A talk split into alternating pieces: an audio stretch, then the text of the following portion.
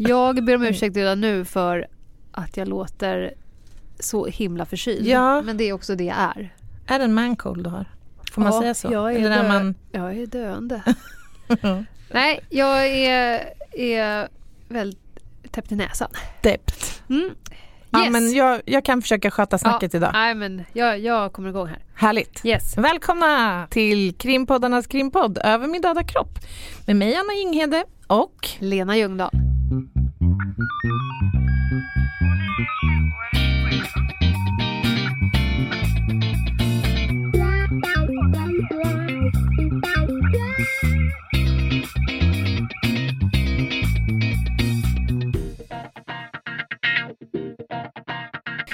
Lena. Yes. Idag kör vi Ja, du ser döden taggad avsnittet. ut. Döden. Vi kör döden avsnittet idag. Vi har Äntligen. fått så mycket eh, önskemål om att vi ska prata mer om döden. Ja. Det tycker jag är intressant eftersom döden är något som skrämmer många människor. ja. Vad är det med det där tror du? Det är någon fascination ju. Så det är ju någonting som vi alla kommer att eh, gå igenom Ja, en gång. det kan vi ju säga med säkerhet. Det kan vi säga med säkerhet. Och kanske också att man kommer beröras av det fler gånger. Ja. Rädslan inför, Mm. anhöriga, film, tv. Mm. Den är ju där och pockar Mm. på. Ja. Jag förhåller mig till döden som en naturlig del av livet, faktiskt. Låter Så- det konstigt? Nej, inte med, med vetskap om att du har ägnat flera år av ditt yrkesliv att jobba med enkom döda människor. Mm. Så då, då, ser du, då är det väldigt naturligt att Ja, du säger men så. det blir ju liksom lite, det har nog blivit lite Ja. normaliserat. Vad är ditt första möte med döden? Vad var det? Eh, Ja, det var när jag gick på Polishögskolan. Mm. okej. Alltså första gången jag såg en Ja. död människa. Ja. Så ska jag säga. Sen har Mm. man ju haft liksom, relaterat till döden tidigare. Så Eh, vad då?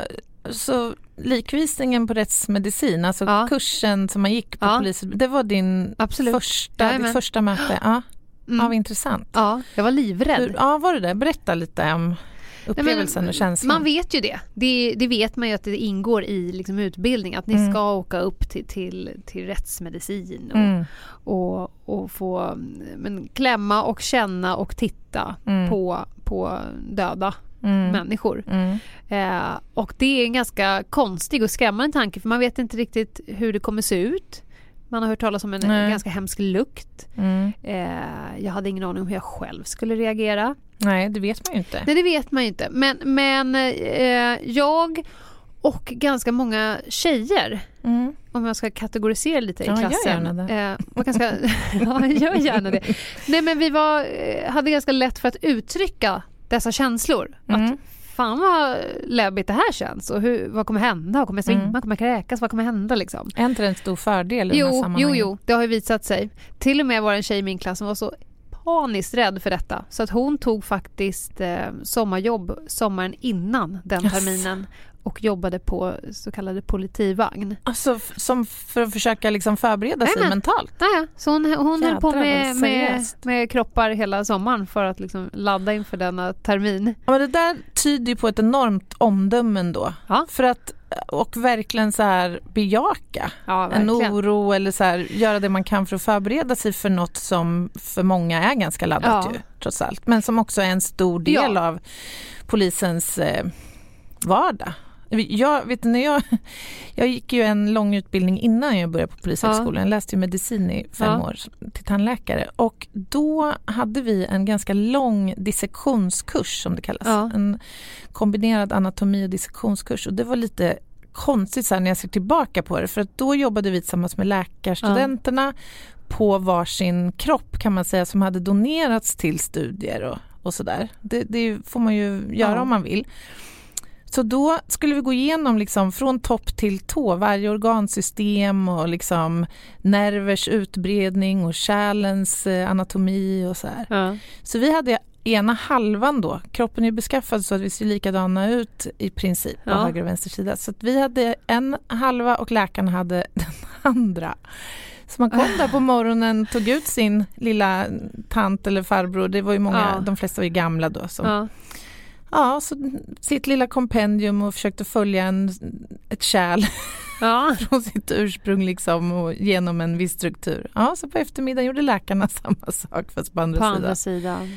Ja, ganska så här, märklig grej på Ja. något vis men också väldigt viktigt att ha gjort det och bra att ha gjort det. Ja, och då var ju du soft när du började på Polishögskolan. Du var inte mest alltså- nervös i klassen och åka upp till rätt Nej. medicin. Och jag hade ju vid den tidpunkten hade jag ju också arbetat en del som, som rättsodontolog, bland annat då i Thailand Ja. och lite så. Ja, så att nej. jag hade liksom exponerats ganska mycket för, Men jag- det här, Jag tror att fallen. normaltillståndet, de allra Mm. flesta som Mm. börjar på, på polisutbildningen har Mm. nog inte så jättemycket erfarenhet. Erfarenhet, nej, det tror inte jag heller. Och jag tyckte att det var en fördel när man kom upp dit att man hade uttryckt de här känslorna för det var inte så himla farligt. Däremot de som hade snörpt ihop och inte sa någonting, det var ganska många eh, resliga Ja. kollegor, ja. karar som blev lite svaja i knäna. Mm. Eh, långt upp till huvudet med blodet. ja, precis. Eh, och, sådär. och sen så har jag också, eh, i och med att jag jobbat som lärare på polisutbildningen, så Ja. har jag fått uppleva det där ja.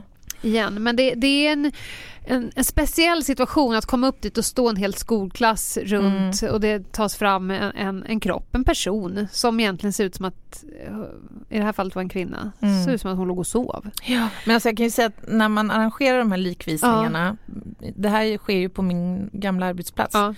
då försöker man ju välja avlidna som inte är liksom de här värsta fallen. Nej, det är inte från Lattjo rummet man hämtar dem. Nej, men alltså man måste ju ändå tänka att det här kan vara liksom laddat Ja. och svårt för många att ta sig igenom. Ja.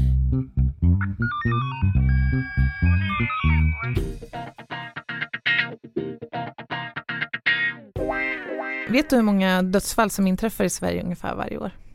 Onaturliga? Eller alla? alla. Ingen aning. Nej, men det är någonstans mellan 90 och 100 000 dödsfall. Ja. Och av dem så är ungefär 5 000 onaturliga. Det Mm. vill säga de är orsakade av eh, yttre, någon form Ja. av yttre påverkan. Ehm, och eh, varför det här är viktigt att nämna då? Jo för att det är polisen då som är ansvarig för de här onaturliga dödsfallen. Mm. Alltså att utreda och klarlägga om det kan vara så att man har dött till följd av en brottslig gärning. Mm. Så, och där är polisen då ansvarig och även om det är så att man anträffar en person avliden utan att man kan fastställa vem det är. Ja. Så man anträffas utanför sjukhus brukar vara en sån här Mm. regel. Det kan ju vara i sin bostad också men där man anträffas kanske en lång tid senare och Ja. där förruttnelseprocessen helt enkelt har Ja. försvårat Mm. Gud, jag, jag skickades genast tillbaka till, till platser man har varit på. Ja, du gjorde det? Ja. Ja, jag kan tänka mig att du har en del på temat från din tid i yttre tjänst. ja. För man kan väl säga det att det, det som händer är ju att en anmälan kommer in till polisen när någon har anträffat någon avliden eller eh, inte avhört någon. Ja, eller att någon har känt en lukt. Ja, Det tycker jag är den vanligaste Trapphus. faktiskt. Ja. Att någon reagerar över att det luktar oerhört. Alltså det är en lukt som inte går att jämföra Nej. nästan med någonting annat. nej, den är väldigt speciell. Så då Hur skulle du beskriva den?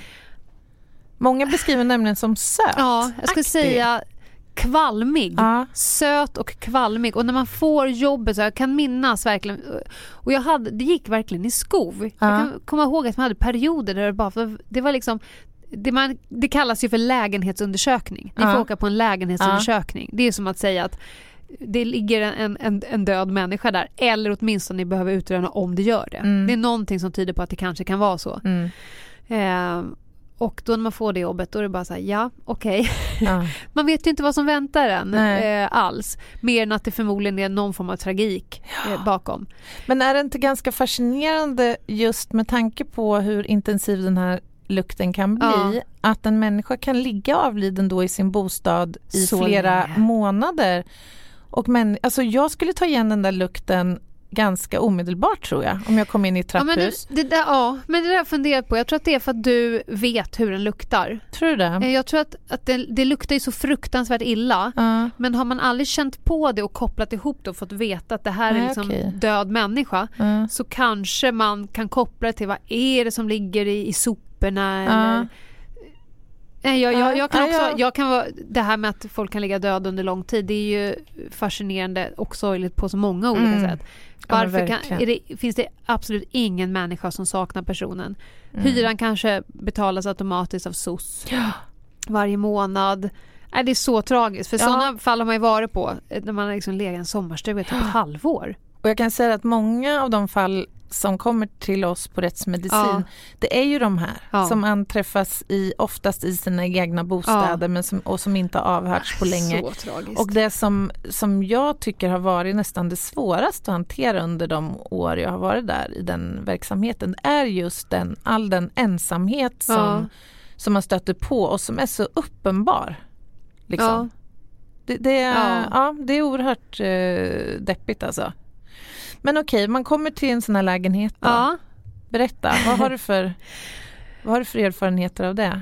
Ja, och det, det, första som händer oftast det är ju att man kommer till en dörr. Antingen mm. så är det någon där som öppnar, hyresvärden, kanske någon anhörig mm. eller någon annan.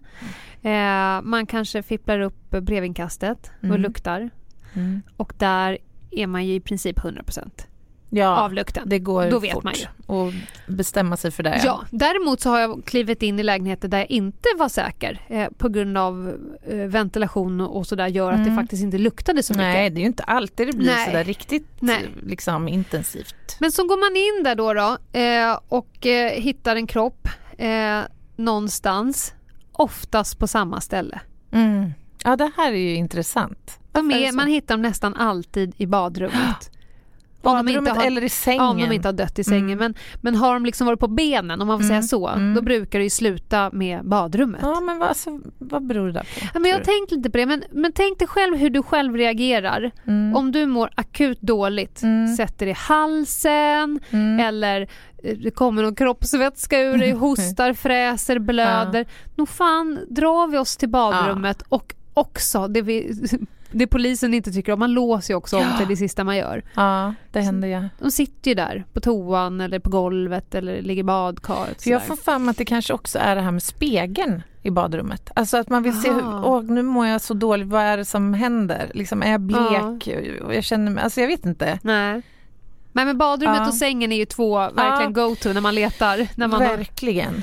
Och eh. särskilt när det är de här naturliga dödsfallen, ja. de som sen visar sig vara naturliga, ja. att man har dött av akut sjukdom ja, helt enkelt. Sen kan det ju vara av missbruk eller, alltså det behöver inte vara absolut brottsliga handlingar Nej. heller. Um, men de ska ju likväl obduceras. Bra där ja, Lena. Jag, jag har blivit lite anafierad. jag älskar det.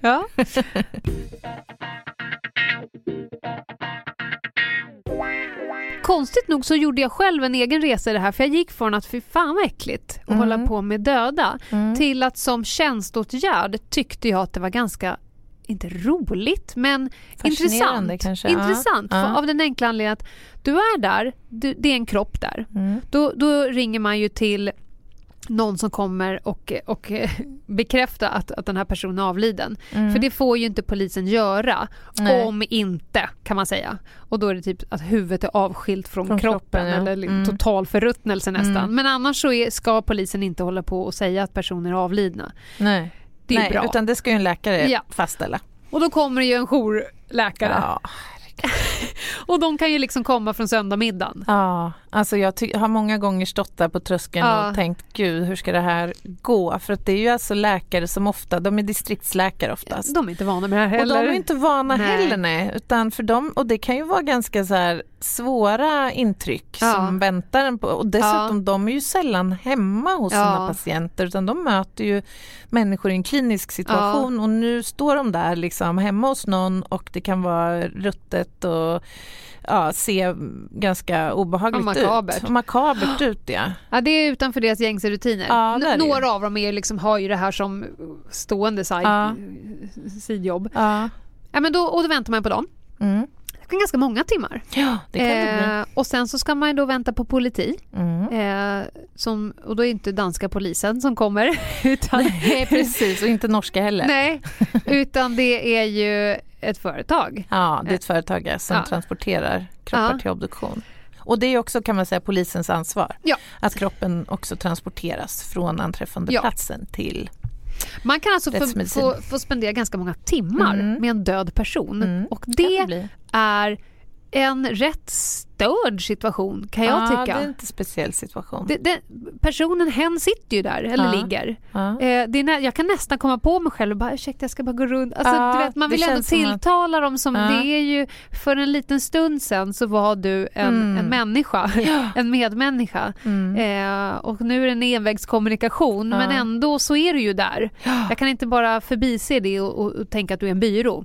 Nej. Nej. Nej. men det är, ju, det är ju omöjligt att inte beröras Ja. av de öden Ja. som människor utsätts för eller hamnar i. Och, då, och de här timmarna, nu kommer jag in på varför jag tyckte det var fascinerande. Mm. Då, då kommer ju en läkare eh, bekräfta att personen är avliden. Eh, någon kommer att komma och hämta kroppen, Mm. ska avvisiteras och sen så åkas in. Mm. Eh, och sen kan det ju då visa sig efter att du kanske gjorde ditt arbete som rättsodontolog Mm. eller obducenterna, Rättslä- ja, rättsläkaren. ja. rättsläkaren gör sitt. Och då kanske det visar sig i efterhand att den här personen har blivit mördad, Mm. förgiftad eller Mm. någonting annat. Brottsplatsen då, det var där vi var från början. Mm. Den är ju förmodligen liksom, den här avspärrningen kommer ju, det är inte ofta ens det blir en avspärrning.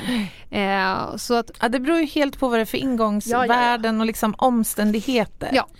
Men finns det- det någonting som tyder på att det har Mm. begått ett brott då är det såklart att man kommer hanteras som en brottsplats. Och det kan ju vara båda håll där tänker jag. Ja. Att, å, å, å ena sidan så kan det se väldigt, alltså som att det har varit en dödskamp där inne och det är tecken på våld och allt. Ja, Och det visar sig sen att det är naturlig Ja. död. Och det kan vara omvänt också, att platsen ser helt fridfull och orubbad och ostörd ut men det visar sig ändå vara ett mord i senare skede. och Så det gäller blir, att hantera det här menar jag med stor varsamhet eller och det är, inte, det är inte så vanligt att det kommer ut kriminaltekniker på plats varje gång polisen hämtar en död kropp från en lägenhet. Nej, nej det, det, är nog väldigt geografiskt tror jag, Ja. olika eh, faktiskt. Jag, kan, jag. Men, eh, jag ska mm. berätta om, jag hade ett hat-trick.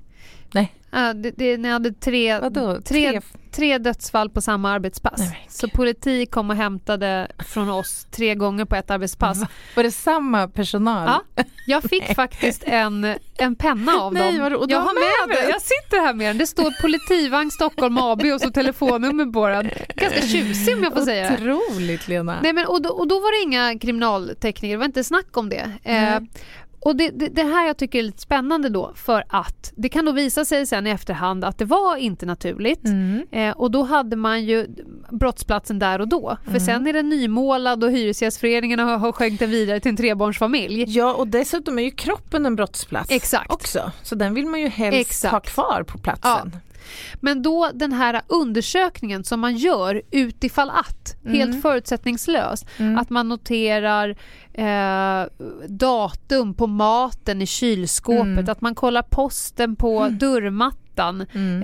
eh, Lås, låset. låset så att man liksom eh, kollar i kalendern för att sen om det visar sig att det inte är naturligt så ska man kunna liksom på något sätt Mm. datum förklara att efter Mm. det här datumet eh, har, har det kommit in personer, har det varit Mm. någon på platsen efter att personen har dött och så vidare. Precis. Så att det, det, det var lite Sherlock Holmes-arbete Ja. I det normala. För det är inte ett normaltillstånd att folk dör hemma men Mm. man, det behöver ske ett form av utredningsarbete där och då. Absolut. Mm. Och de, de, de eh, utredningsåtgärderna är ju som sagt väldigt, väldigt viktiga.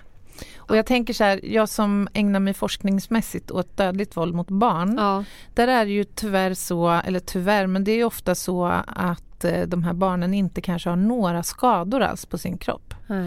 Eh, och det finns inget annat heller som liksom tyder på att det skulle vara en brottslig gärning och föräldrarna eller föräldern eller vårdnadshavare kan stå där och vara helt förtvivlade Ja. fast, fast det är de själva som faktiskt har Ah, dödat alltså. sitt barn. Och tänk dig då det ställningstagandet som den polisen har att göra. Det är, alltså, det är ett ganska tufft eh, beslut Ja. man har fattat om, om man ska säga till de här föräldrarna att vi misstänker mord och därför kommer vi spärra av platsen. Jag tänkte själv Mm. om ditt barn Ja. av någon anledning dött Mm. och sen kommer polis till platsen och Mm. det första de gör är att misstänka dig. Mm. Som, Nej, men alltså det är ju, det är, man fattar ju att det är Ja. emotionellt otroligt svårt. Samtidigt så ökar ju det där också risken för att man faktiskt kanske missar något eller några barn varje år som Ja. inte har dött en naturlig död utan faktiskt ja. till följd av brott. Och rent Ja. statistiskt, nu, nu blir jag nördig in på det här, Mm. men, men barn som dör i hemmet Mm. som inte är naturligt, Mm. det är väl ganska hög sannolikhet att det är någon i deras Ja. direkta närhet. Ja, men de allra flesta Ja. fall. I, I Sverige är det ju extremt ovanligt med alltså, extra familjära Ja, eh, gärningar. Alltså att det skulle vara en helt främmande person som, som med våld har ihjäl ett barn. Men det händer. Det händer. Men de allra flesta är ju det är föräldrar ja. i de allra flesta fall. Och det är ett, lyckligtvis ett fenomen som har minskat i Ja. eh, utsträckning, omfattning. Så Ja. att, eh, men ändå, varje fall är ju otroligt sorgsamt.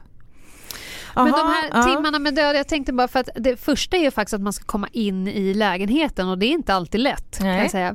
Jag, jag drar mig till minnes nu en, en lägenhet eh, där någon hade ringt och inte hört av en person på väldigt lång tid. Det är ungefär det är ett väldigt vanligt eh, början på sånt här Mm. case. Ja men det är en vanlig ingång. Ja, eh, så vi åkte dit eh, och det var, lägenheten låg mitt på en sån loftgång. Mhm. Så att man går upp ett trapphus och så går man ut på en loftgång och så Mm. går man en bit ut. Eh, och vi står ju där och bankar och ringer och bankar och ringer och skriker i brevinkastet och tänker så här antingen är det inte någon här inne eller Mm. så är personen död. Mm. För att är det någon här inne så, så har han, han, det här fallet var en han, garanterat hört det. Mm. Och vi bankar och skriker och rycker i handtaget och så till slut får man ju ringa låsmed. Jaha. Då får man ju borra sig in helt enkelt.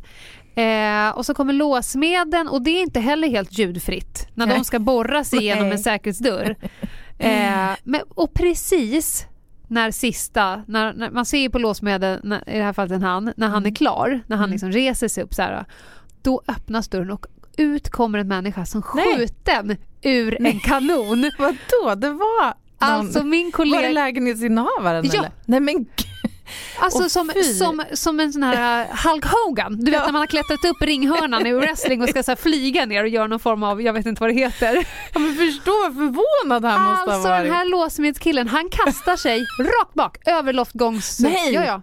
Nej men han- han- gud, så ni fick ett tillbud där? Han flyger över räcket och landar. Tack och lov så är vi ju, jag tror att det är en halv trappa upp. Det är, inte, Ja. det är inte ett långt fall, kanske en och en halv meter. Ja ändå. Rakt ner i, i en eh, rosenbuske. Spenaten. Ja.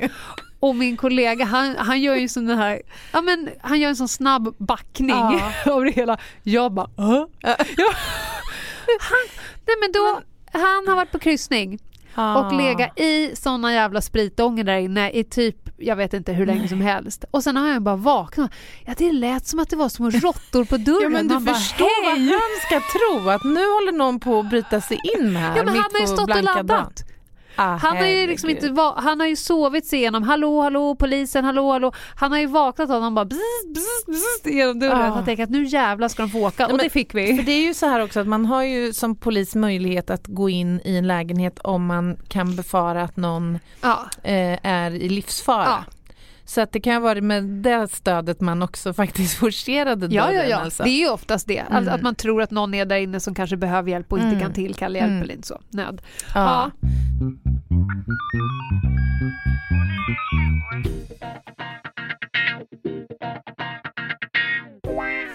Eh, jag tänkte vi skulle prata lite mer om det här med obduktionen. Ja. Eh, för det tror jag är många som inte riktigt har en eh, inblick i. Det är ju inte så konstigt. Bara från filmens värld skulle jag Ja. säga där och det är inte Ja. riktigt. Det är inte riktigt med verkligen Om vi ska måla upp den världen, Ja. eh, då står ju en person där, ganska Mm. snygg, Mm. fräsig, Ja. kanske kostym med en vit rock över. Ja, precis. Eh, lite liten klicks med Vicks under näsan. Ätandes det där på är någonting. ju helt obegripligt. Men ja. Ja. ja, precis. What's up med det där? Käka baguette på obduktion. Gör inte det? Ja men herregud alltså. Nej men jag fattar inte var det kommer ifrån.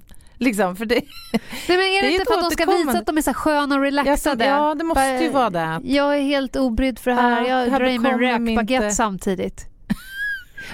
Kan du bara beskriva hur du själv, eh, för det här, jag har ju aldrig sett dig in action där. Nej. Kan du beskriva vad du själv har på dig? För Ja, jag alltså- vet ju, Mm. eh, jag själv när jag har varit i närheten av, av lik, Mm. Efter det då får man ju slänga i princip allt man Ja. hade på sig, inklusive pennan och Mm. blocket och alltihopa. För lukten sätter sig, försvinner icke. Nej, men Så- Det är ju en extremt liksom, intensiv doft som sagt och det sätter Ja. sig ju i allt. Ja. Som du säger, det kan ju vara föremål. Mina glasögon till exempel, jag har ju fått ta speciella på i obduktionsmiljö och andra liksom. Och du har ett par som du sätter på när du kommer dit? Ja, Ja. ja men Ja, absolut. det för att det liksom sätter sig ju doft i dem. Mer då? Vad har du på Nej, dig? men sen har jag ju ja, men typ operationsklädsel om du tänker ja. dig. Scrubs? Ja, kan man säga. Ja. Såna. Och eh, eventuellt en liten sport-bh under men liksom inte, en del kör ju helt, helt franskt, naket under. Ja, av den anledningen Ja, att för inte att- behöva slänga varje gång. ja, exakt. det för är att kläderna blir, alltså det går ju att tvätta dem, det går ju ur såklart. Men det Ja. blir alltså, ja, Nej. det är inte superfräscht alltså. Men hur får du bort lukten? För jag tyckte att det luktade, det luktade liksom... Du tycker att jag har luktat lite lik när vi har sett? Ja. Nej, men jag, jag reflekterar själv att det luktar liksom i huden på en. Ja, ja. Nej, men, och håret. Ja. Och, nej, men det enda sättet egentligen, alltså det beror ju på, det finns ju grader av det här naturligtvis. Men har det varit riktigt eh, ruttet och jag kan säga att i min yrkesroll så har jag fått jobba med de allra värsta egentligen. Det är därför de hamnar hos mig, för att de ska identifieras. För de inte kan identifieras så, på annat sätt ruttna. än med tänderna. Precis. Det är det som är kvar. Ja, det är det som, Ja. som är Ja, liksom intakt. Ja. Ja. Nej, men, och då har ju en återkommande rutin varit att basta efter. Och ni har bastu på Ja. rättsmedicin? Ja, precis. Mm. För då liksom öppnar sig ju porerna och man får ut doften. Alltså det här skutta från jobbet utan bastun, kanske inte ens dusch och sen på tåg, jag vet inte. Hur har du med din personliga hygien, Anna? Ja, precis. Nej, så att ehm, det är en sån där bra, typiskt bra grej att göra Ja. efteråt. Tvätta håret, basta, Ja, slänga prylarna. ja. Ja. Ja, jag, jag har varit jättenoga med det. Jag tycker det För det här med Vicks funkar ju inte. Nej. För det vet jag att man körde även på polisutbildning. Någon som vill ha en liten klutt Vicks över näsan. Man bara... Jag tänkte Nej. bara så här, det här är ungefär som när pubertala pojkar försöker ta Dölja bort sin pubertetssvett Ja. med Axe. Africa. Ja, men det blir bara äckligt plus äckligt. Blir ju... Axe Africa. Ja men vad fan, det är ju alltid så här... Det kan vara Old Spice eller något sånt där. Fahrenheit. Ja, det är väl ännu värre. Nej men alltså det går inte att, att ta bort en äcklig Nej. lukt med en annan äcklig lukt. Eller med god lukt. Nej men och sen är det väl lite så här och det är därför jag tycker man ska undvika sånt där med Vicks och allt vad det nu är. Att då kommer man ju istället förknippa mentol med liklukt. För det blir ju liksom inte så att den ersätter lukten av död liksom. Det blir någon slags då märklig mischmasch av två Ja men det där är sant. Alltså unikt sant. Då pajar man ju den ja, doften. Man pajar ju det helt. Jag, jag, nu, en helt annan grej. Mm. Jag snodde ett sprut av min syrras parfym Åh. när jag gick någon gång i gymnasiet. Jag kommer inte alls ihåg vad parfymen hette. Den är grön och så har den en grön näsa och en grön mun. Där korken är näsan och Ja, ja, men ja precis. sprayar Eh, den på ja, jag mig på morgonen och får sån jävla mensvärk i Ja, skolan så att jag nej. springer och spyr och så blir man lite svettig. Ja. Från den dagen, när jag kände den doften, ja, det går inte. så får jag mensvärk. Ja, nej vad sjukt. Eller blir illamående. Ja. Fasen vad sjukt. Ja. Ja men det där är så... Ja, nej, man ska ju... inte hålla på och försöka finta bort äckel med doft. Nej, det Nej. går inte.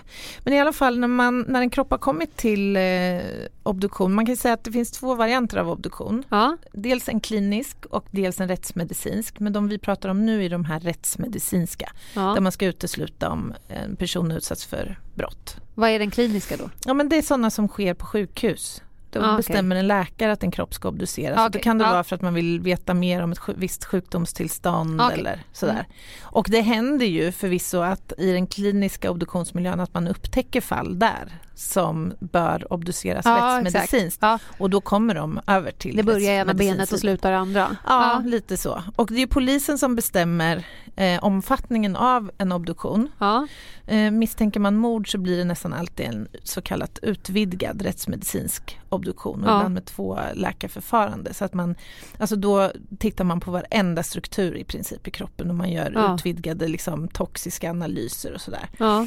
Men de primära liksom, eh, frågeställningarna är ju, eller syftet kan man säga, det är att man ska fastställa dels en dödsorsak och dels ett dödssätt. ja. Eh, och ehm, ja, eh, dödssätten då, då är det ju det här om det är naturlig död eller olycksfall, suicid, Ja. alltså självmord, ja. eh, eller homicid, alltså mord. Ja. Sen kan några fall varje år som också, där dödssättet blir oklart, där man inte med säkerhet har kunnat säga faktiskt ja. hur personen har eh, dött.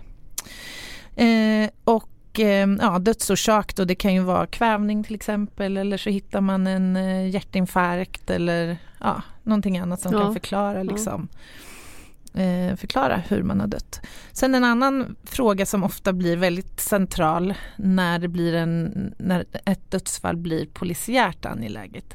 Det är ju när en person har avlidit. Ja, där är det ju bra för där kan ju ni säga så här 23 och 43 prick. ja, precis. Men det är också en sån här filmgrej. Ja, eller? det är en filmgrej. Det går Hur, inte. hur, hur, liksom, hur snävt intervall kan ni hysta fram? Ja, men så här, lite, om vi sätter tumskruvar på er. Kan man säga, det här är inte mitt, jag är inte rättsläkare så det är inte mitt specialområde även om jag har jobbat en del i den miljön. Men mycket av det här bygger på dödstecken. Ja, Alltså man kan utifrån hur kall en person är, hur stel den ja, här avlidna är eh, och hur likfläckar har Ja. utbrett sig på kroppen eh, tillsammans med andra parametrar. Man kan ta glaskroppsvätska från ögat till exempel. Man kan mäta viss eh, elektrokemisk eh, aktivitet i vissa delar på kroppen. Och så. Det finns ett antal Ja. varianter. För där kan eh, man ju också koppla fram till den första undersökningen som man som vanlig polis, de vill ju Ja, gärna veta precis. liksom, var dörren öppen, Vad- ja. stängd, fönster, eh, hur varmt och kallt var det, luftdrag och så vidare. För Ja. jag antar att det hjälper till då i den bedömningen. Ja, det hjälper till dels i den bedömningen men sen hjälper det också till om det nu är frågan om en mordutredning så är det ju super, super viktigt liksom att kunna kartlägga eller fastställa Ja, ja. en ungefärlig Ja, ja. tidpunkt när personen avled. Och det jag skulle säga var så här att utifrån då de här tecknen som man har eh, beroende på vilka tecken man har, för att jag menar en kropp stadd i kraftig förruttnelse, då har du ju ingen glädje av någon av de här likkyla, likstillhet Nej. eller likfläcksutbredning egentligen för att kunna bestämma dig Nej. så lätt. Då får man kanske använda sig av andra metoder men du kan aldrig oavsett fastställa ett, ett klockslag utan du kan i bästa fall Genom få- att lägga handen lite så på pannan. precis. Ja, Nej, men du kan i bästa fall liksom få ett intervall, alltså ja. en ungefärlig, eh, ett ungefärligt intervall på några timmar när kanske i bästa fall. ja. Eh, dödstidpunkt ja. Och sen är det ju också så att om det nu misstänks eh, ett mord då så vill ju också kriminaltekniker spårsäkra. Ja. Det kan ju finnas spår på, På kroppen. kroppen. Ja. Och vissa av de här spåren de tar man tillvara redan på brottsplatsen då. Ja. Eller anträffandeplatsen rättare sagt. Eh, och det beror på att de kan vara flyktiga eller försvinna. Ja. Eller så tillförs det nya spår över andra. Eller förändras Eller förändras, över tid, ja. påverkas. Till exempel om en, om en människa utsatts för ett skärande skarpt eller skarpt våld Ja. och som har lämnat blödande skador. Då kommer ju transporten från anträffandeplatsen till rättsmedicin och innebära att blod rinner ut kanske eh, in i liksäck i Ja. bodybagen och då, då påverkas ju de spår som är jätteviktiga. För att liksom, Och det är ju sådana fall där, där poliserna på plats inte håller på själva utan då bara tittar man på platsen Mm. och konstaterar att vi backar ur situationen Ja. och tillkallar Precis. bättre lämpade. Ja men lite Ja. så. Och då, om tekniker tillkallas så, kommer ju, så, så har ju vi en rutin för hur de här spåren, alltså vilka vi kan lämna till obduktion som är bättre kanske att ta tillvara på obduktion och vilka som absolut ska säkras på Ja. plats och sådär. Och så kan vi vidta vissa åtgärder för att skydda spåren under transport och sådär. Ja. Men så att, eh, och en obduktion kan ju ta liksom allt ifrån ett par timmar till Ja, alltså den kliniska delen kanske ett par, tre timmar eh, upp till åtta kanske, vad vet jag. Men sen har du ju en massa liksom, analyser som ska göras, du skickar iväg vävnadsprover för undersökning och sådär. Så att det kan ju vara så ibland att det kan gå flera veckor, kanske månader innan det här definitiva liksom, utlåtandet också kommer. Och det där är ju en jättelång och jobbig process för anhöriga naturligtvis som gärna vill få svar och besked.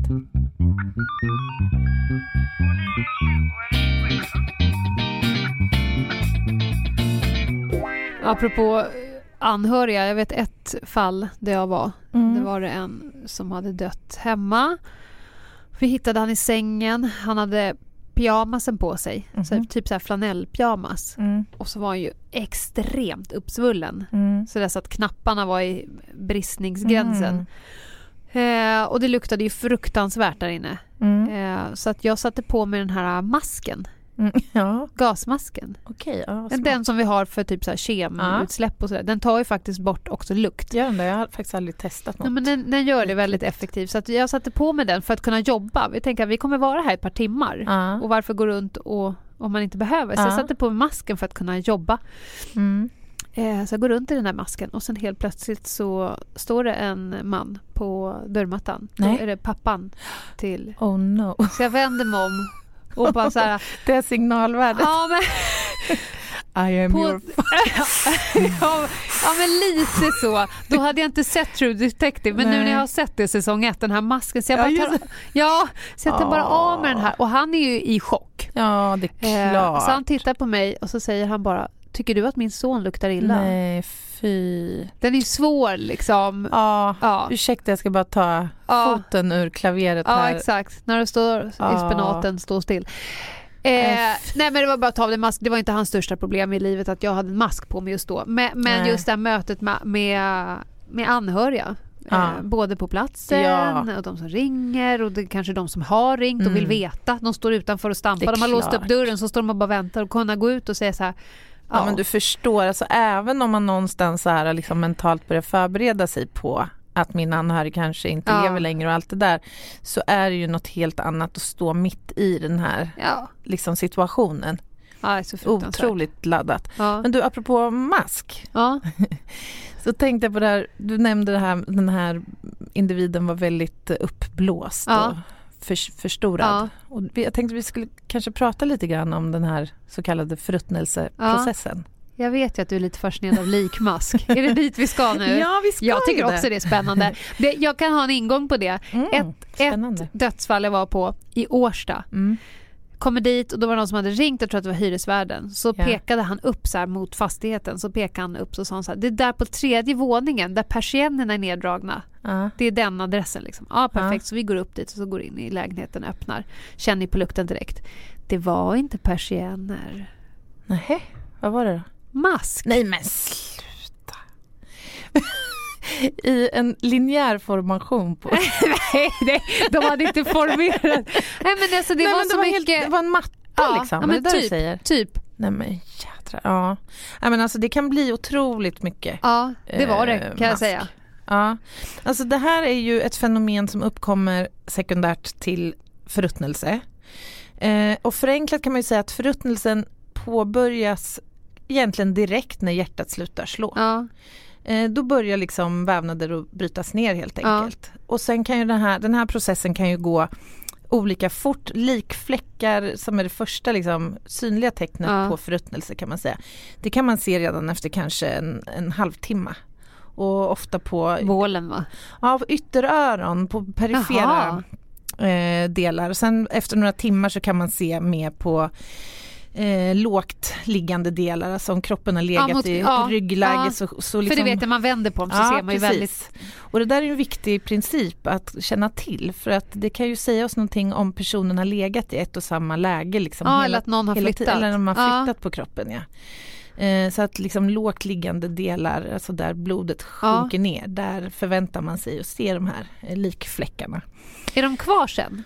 Eller Eh, försvinner de, är ju- efter... de är flyttbara under en viss tid kan man säga. Ja. Så ganska tidigt efter att döden har inträtt då, då kan de här försvinna från en plats och uppkomma på en annan. Okej. Eh, Men det där finns det liksom ganska noggrant studerat tidsintervall okej. för så att man kan utifrån kända tider liksom göra sig en bedömning om personen kan ha legat länge i ett visst läge och sen förflyttas och fått nya fläckar någon annanstans. Finns det likfläcksexperter? Eh, ja men rättsläkarna är ju De är det, det. det skulle jag vilja säga. Men du, de här likmaskarna, det finns ju lite myter Mm. om det. Ja. Att det liksom krällar runt likmaskar Ja. i oss ja och bara väntar på att vi ska dö. Ja, de... Eller kommer de flygande till oss, maskarna? Var fan kommer de ifrån? Ja, alltså det Jag ställer här en, ju... en fråga här nu. Ja, men det är bra. Ja, men liksom, det här är ju ett eh, fenomen som eh, är omgärdat av väldigt mycket myter. Ja. Och eh, det här kallas ju för rättsentomologi eller forensisk entomologi, alltså läran om likmaskar och hur de kan bidra i en brottsutredning, för det kan de faktiskt. Ja. Först för att slå ihjäl den här myten då, så nej, de finns inte naturligt i Nej. kroppen. Utan de drivs av liklukt. Ja. och de kommer att skynda till en kropp eh, ganska kort tid efter Ja. att döden har inträtt. Men maskar flyger inte, det kan vi vara överens om. Precis, och det här, är ju, alltså det här är ju insekter som dras till kroppen, den döda kroppen och som också sen vill börja äta på kroppen. Eh, Det sägs att, jag vet inte om det är en skröna, men det sägs att, nå- att jag vet inte om det var Linné eller om det var någon av hans kollegor eller vad säga, Ja. som, som, had- som har i någon skrift beskrivit hur två, hur två flugor bara genom att lägga sina ägg på en kropp kan, eh, alltså de två flugorna kan bidra till att ett, en hel människokropp eh, bryts ner och äts upp. Han Ja. jämförde det med en varg tror jag, eller något annat, något Ja. rovdjur sådär. Vilka små jävlar. Ja, de är ju det, men alltså det är ju Vad gör de annars? Ja, de flyger omkring. Och väntar på att någon ska dö. Nej, men så här är alltså, de här insekterna då, de kommer till en kropp i en viss ordning. Ja. Och först så är det spyflugor som brukar komma till kroppen och det kanske är bara efter några timmar. Och sen kommer andra arter som föredrar liksom andra delar på kroppen. Då kan det vara köttätande arter och det kan vara skalbaggar och lite sådär. Och de här arterna då, de gillar olika De har olika preferenser. Ja, de har olika preferenser ja. Och det de gör det är att flugorna då, de lägger ägg på ja. kroppen och ofta i kroppsöppningar. Ja. Eh, och då är det ju så här att om man kommer till en kropp som det sitter eh, fluglarver på och de inte är i kroppsöppningar så kan man få en idé om andra skador på kroppen till exempel. För att vissa föredrar också sårskador till exempel. Ja, okej. Mm. Så att bara den iakttagelsen kan faktiskt vara väldigt viktig. Och även det här då att man vet att vissa, vissa arter kommer till en kropp först och vissa kommer senare. Det kan också ge en indikation om liksom en Ja, tidsuppfattning här Ja. om hur länge kroppen har legat. Eh, och vissa arter föredrar, eller föredrar olika miljöer också. Så att det finns eh, orten, orten Ja men det där du sagt. Och citykidsen. och citykidsen. Ja. Den här, den här likmasken är från orten. Men då skulle man ju då i princip kunna säga att kroppen är flyttad. ja, men den här exakt. likmasken ska inte vara här. Exakt, de hör inte hemma i den Det är, här inte, det miljön. är inte stekan. Exakt. Och det där kan Jävlar, generera superviktig information. Och sen finns det ytterligare en del som jag tänkte nämna som är faktiskt också väldigt spännande. Och det är det här att man kan också faktiskt analysera larver och insekter, alltså som har Ja. utvecklats från de här äggen. Eh, och som sitter på en kropp. De kan man också analysera för att få en information om liksom vad som har funnits i kroppen. Alltså, Okej. man kan analysera droger till exempel hos de här som har ätit då på den avlidna kroppen Ja såklart. och få liksom jätteviktig information om kroppen har utsatts för någon slags förgiftning eller om det är självförvållat eller sådär. Ja. Eh, det finns faktiskt ett intressant fall som jag läste om här för ett tag sedan om en finsk kvinna som anträffades avliden på eh, ute på landsbygden. Och då gjorde man en sån här analys, man hade ingen aning om vem den här kvinnan var. Det var ingen i det här området som, som hade anmälts försvunnen och som ställde Nej. in på, på det här signalementet eller det man hade att gå på. Eh, men då analyserade man de här insekterna eh, eller larverna och det visade sig att de, de innehöll väldigt mycket kvicksilver. Och Jaha. nivåer som var liksom alldeles för höga för det här geografiska Ja. området. Men tack vare den utgångspunkten så kunde liksom polisen inrikta sig på ett annat geografiskt område. Intressant. Så det, är lite, ja, men det är lite intressant faktiskt. Så rättsentomologi, det är intressant.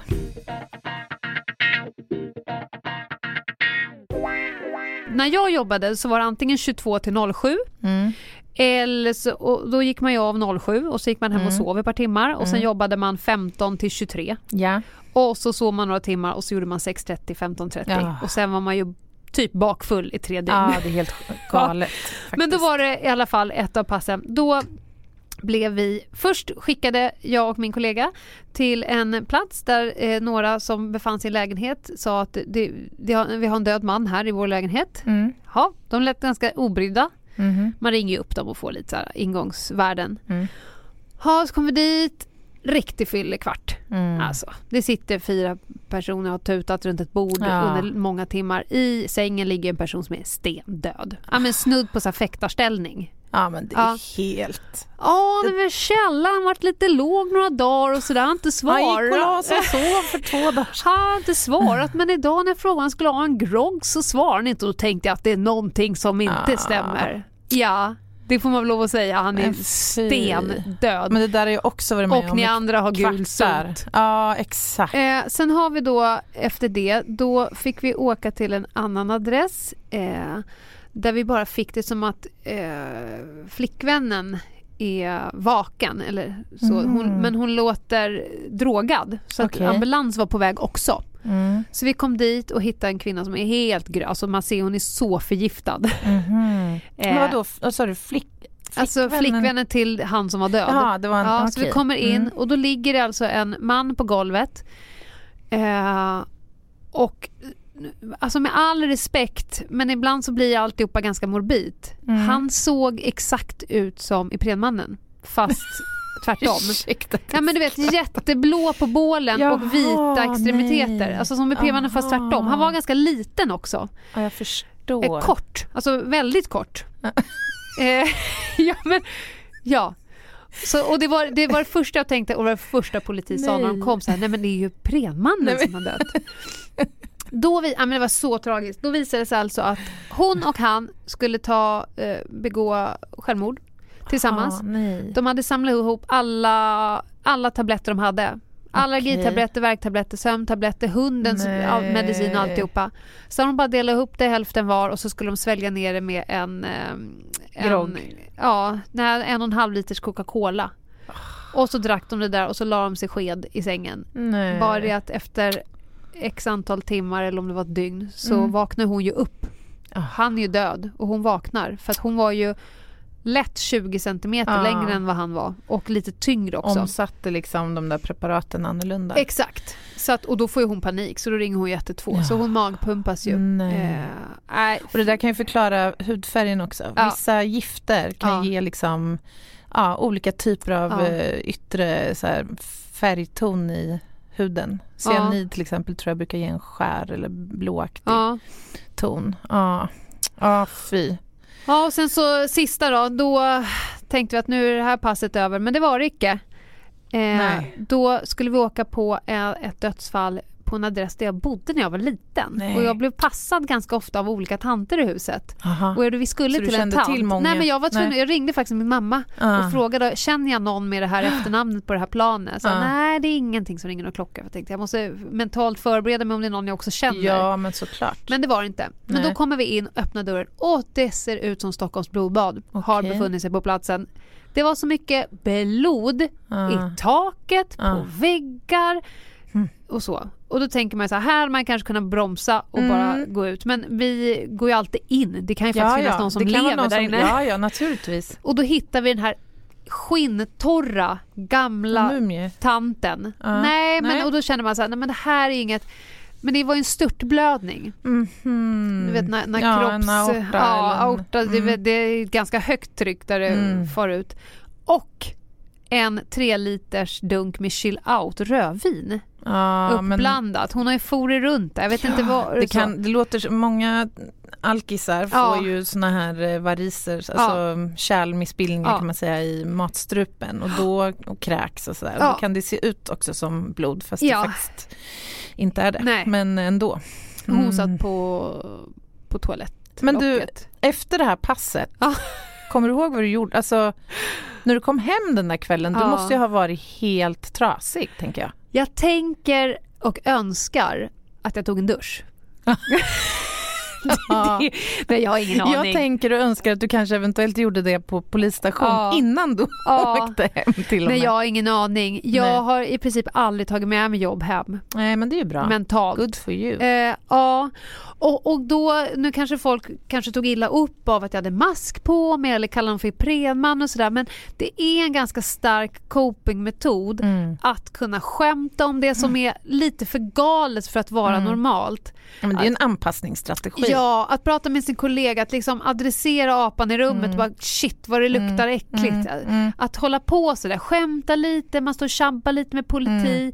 Det, jag skulle säga att det är inte att kränka någon utan Nej. det handlar om någon form av överlevnadsstrategi mm. för att kunna ha uthållighet Absolut. i yrket. För att det är inte normalt. Det ja, är inte normalt att gå runt i de här scenarierna eh, och jag måste också ha full tillgång till hela min frontallob. Det har jag pratat om i ja. ett annat avsnitt vad som händer när den stängs av. Då blir man ju puckad. Och sen är det faktiskt skillnad på att med såna här anpassningsstrategier förhålla sig och med liksom oetik och omoral förhålla sig. Det är två olika saker.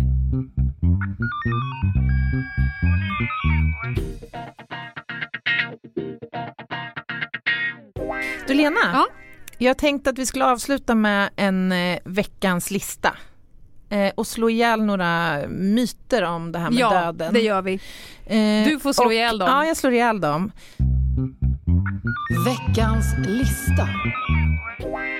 Okej, plats nummer fem. Man kan dö av skräck. Sant eller falskt, Lena? Gud vad tid det tar. ja, jag har så många följdfrågor innan jag kan svara. Jag av uttråkning nu. ja, jag bara kände att jag fick ett väldigt, väldigt intelligent ansiktsuttryck. Jag har så många följdfrågor. Men du tänker att hjärtat ska stanna av att du blir rädd? Är det det du mm, tänker? Kanske. Alltså det här tangerar lite grann det vi har pratat om tidigare, om det här med amygdalas, alltså våran rädslocentrum i hjärnan och amygdalas, eh, vad ska man säga, eh, reaktion på ett upplevt hot eh, som man kan känna när man blir väldigt, väldigt rädd. Men att du bara av det ska lägga dig ner och bara dö, Nej, det tror jag inte på. det gör man inte. Utan det blir en liksom sekundär effekt. Det är väl om du har ett svagt hjärta möjligtvis. Ja men så här, amygdala ska ju prata med frontalloben. Ja och kom, lite så här, komma överens om hur lägger vi upp strategin här nu. Ja. Och ibland så bommar amygdala för att hotet är så omedelbart och så ja. akut så man pressar ut massor med stresshormon och sätter igång och aktiverar massa funktioner i kroppen för att hantera den här stressen. Ja. Och då kan det vara så att de här stresshormonerna piskar på hjärtat faktiskt så att man kan få ett eh, flimmer i hjärtat och en, eller en akut infarkt. Det är såklart kanske inte unga och i övrigt friska människor som främst Nej. drabbas. Men man kan, faktiskt, eh, man kan faktiskt dö av skräck. Jag, måste, jag läste faktiskt ganska nyligen en artikel på om, det är inövat vad vi ska vara rädda för eller inte. Och då mm -hmm. tog man små bebisar okay. och sen så visade man, alltså små små, snudd på nyfödda. Uh. Då visade man bilder på så ringlande saker. Aha. Alltså typ som en orm. Uh. Och då kunde man mäta. Drrt, vi har amygdala, liksom, fara fara. Liksom mm. ringlande, slingrande, det, det ligger i oss. Däremot så kunde man nästan lägga en pistol liksom, ah. bredvid. Ja, de kan ju inte... nej, de kan inte relatera till den alls. Och så jämför de massa olika saker bara för att komma fram till vad är det som liksom är inärvt ah. från början. Att det här ska vi vara rädda för. Ja, vad intressant. Ja. Mm. Okej, plats nummer fyra. Livet passerar revy. det när man flimrar dör. förbi. Ja, har du hört det förut? Jag har hört det, jag har inte upplevt det. Även om jag har varit skiträdd ja. så har jag inte sett mitt liv fladdra förbi. Nej, det kanske är för att du inte har varit så nära döden då? Det har jag också varit. Ja, men, då, ja. men inte i ett sånt här akut tillstånd Nej, utan lång tid på sjukhus. Mm, mm. mm. Ja, precis. Då var det ingen som fladdrade förbi. Nej, precis. Ja, det kan du göra. Läkare. Ja. Läkarna fladdrar förbi. Doktor Död. Doktor Död, fy. Ja. ja, men så här. Eh, det, det här är faktiskt både falskt och sant. Okay. Det är ju inte världens mest lättstuderade fenomen. Liksom. Eh, alltså det handlar ju om att man måste ju då undersöka och fråga människor som har haft nära döden-upplevelser helt enkelt. Ja. Eh, men det finns faktiskt lite som forskning. Och när man då har intervjuat de här människorna så beskriver väldigt många precis exakt det här att minnesbilder och upplevelser från liksom ens liv fladdrar förbi. Däremot så sker det sällan så som det åskådliggörs på film och så i någon slags kronologisk ja. ordning. Ja. Vissa beskriver det som att det känns som jag var i det här vakuumet i liksom hundra år medan andra beskriver det som liksom jag gjorde korta nedslag i olika delar från min barndom och andra delar av, av mm. livet. Så att eh, ja, och, och forskarna har ju teorier kring hur det här, vad det här handlar om och eh, då tror de att de delarna av hjärnan som hanterar minnen är involverade. Eh, och det beror på att de inte drabbas lika hårt akut av syrebrist och blodförlust ofta Okej, vid skada. så de är aktiva lite, de är liksom, lite... Ah, Exakt, de är snyggt. aktiva lite, lite längre helt enkelt. Okej, plats nummer tre. Man kan få erektion efter döden. Ja, det tror jag fan. Alltså, det skulle inte förvåna det minsta. Man brukar säga att hoppet är det sista som lämnar, men tro fan är att det är kuken som lämnar dem sist. Den ska liksom med in i...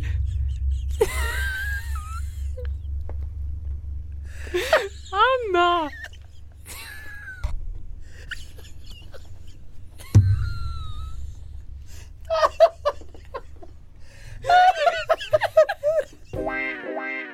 Ja, det där har med fysiologin att göra, jag släpper den. Men det är sant. Och nu släppte Okej. locket i min biola. Okej, håll i nu. Plats nummer två. Naglar och hår fortsätter växa efter att man har dött. Jag säger ja. Jag har ingen aning. Äh, det fel? Ja, det är faktiskt falskt. Samma sekund. Ja, men nej, så här. Det ser faktiskt ut som det. Det har jag tänkt på själv många gånger. Ja. Just naglarna liksom ser ut att ha växt Ja. en centimeter. Sådär. Men det som händer är att fukten försvinner ur huden och vävnaden Ja, och liksom drar ihop. sig Ja, tillbaka. det. och då, ja, det, Då det ser framträder ut de lite mer helt enkelt. Exakt. Ja, men jag fattar. Och mer av håret syns ju också sådär. Så Mm. liksom, ja. Okej. Nej, det var fast. Okej, då har vi plats nummer ett. en död människa kan avge kvidanden, stön och stånk. Sant eller falskt? Ja, alltså nu när jag har gått, jag har ju gått ganska många såna här akutsjukvårdsutbildningar i och med Mm. att jag är utbildad livvakt. Mm. Eh, och då vet jag, vi satt och tittade på de här filmerna med folk som dör när kroppen eh, panikartat försöker andas fast den har Ja. slutat göra det. Så man kan tänka så här, åh, hen Precis. lever, nu Ja. är andningen igång. Nej, det är liksom kroppens sista panikartat att försöka, den försöker fejka Ja, en andning. exakt. Och det skulle då kunna ske efter faktiskt att personen har dött. Så kroppen minns att nu bör vi nog fejka till oss lite andning här. Så jag säger ja. Ja men det är rätt. Bra där Jag var vaken på utbildningen. Agonal andning kallas Ja. det här, eller dödsandning. Ja, eller, och det är precis som du säger, Mm. det kan uppfattas som, det är ofta förknippat med akuta sjukdomsfall, hjärtinfarkt, alltså hjärtstillestånd eller stroke eller något sånt. Mm, ja, några såna här uh, livräddnings vi, vi, i vatten. Man Ja. släpper upp folk Ja, så kan det. man se att, de ligger, att kroppen ligger och försöker andas fast den inte Precis, kan det. det är ju ingen egentlig andning. Nej, det kommer inte ner Alltså, något. det, liksom. nej, det är inget sy- syreutbyte Nej. helt enkelt. Bra, Mm. bra där Lena. Jag satte den på sista. Ja, nailade. Ja.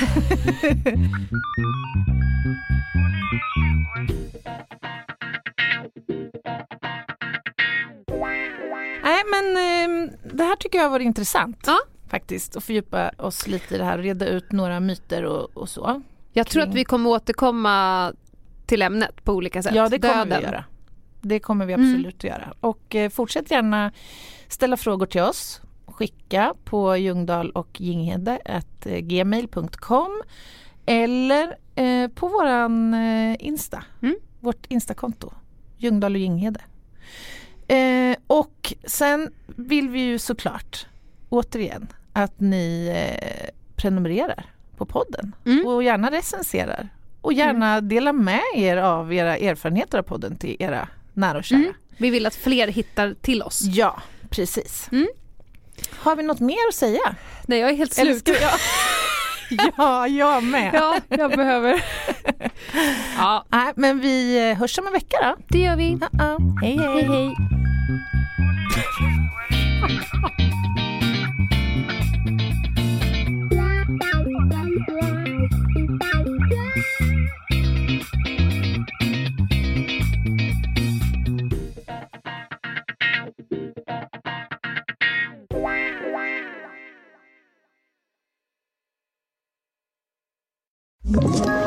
Ett poddtips från Podplay.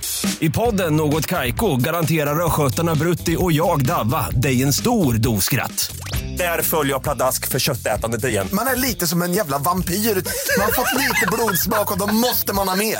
Udda spaningar, fängslande anekdoter och en och annan arg rant.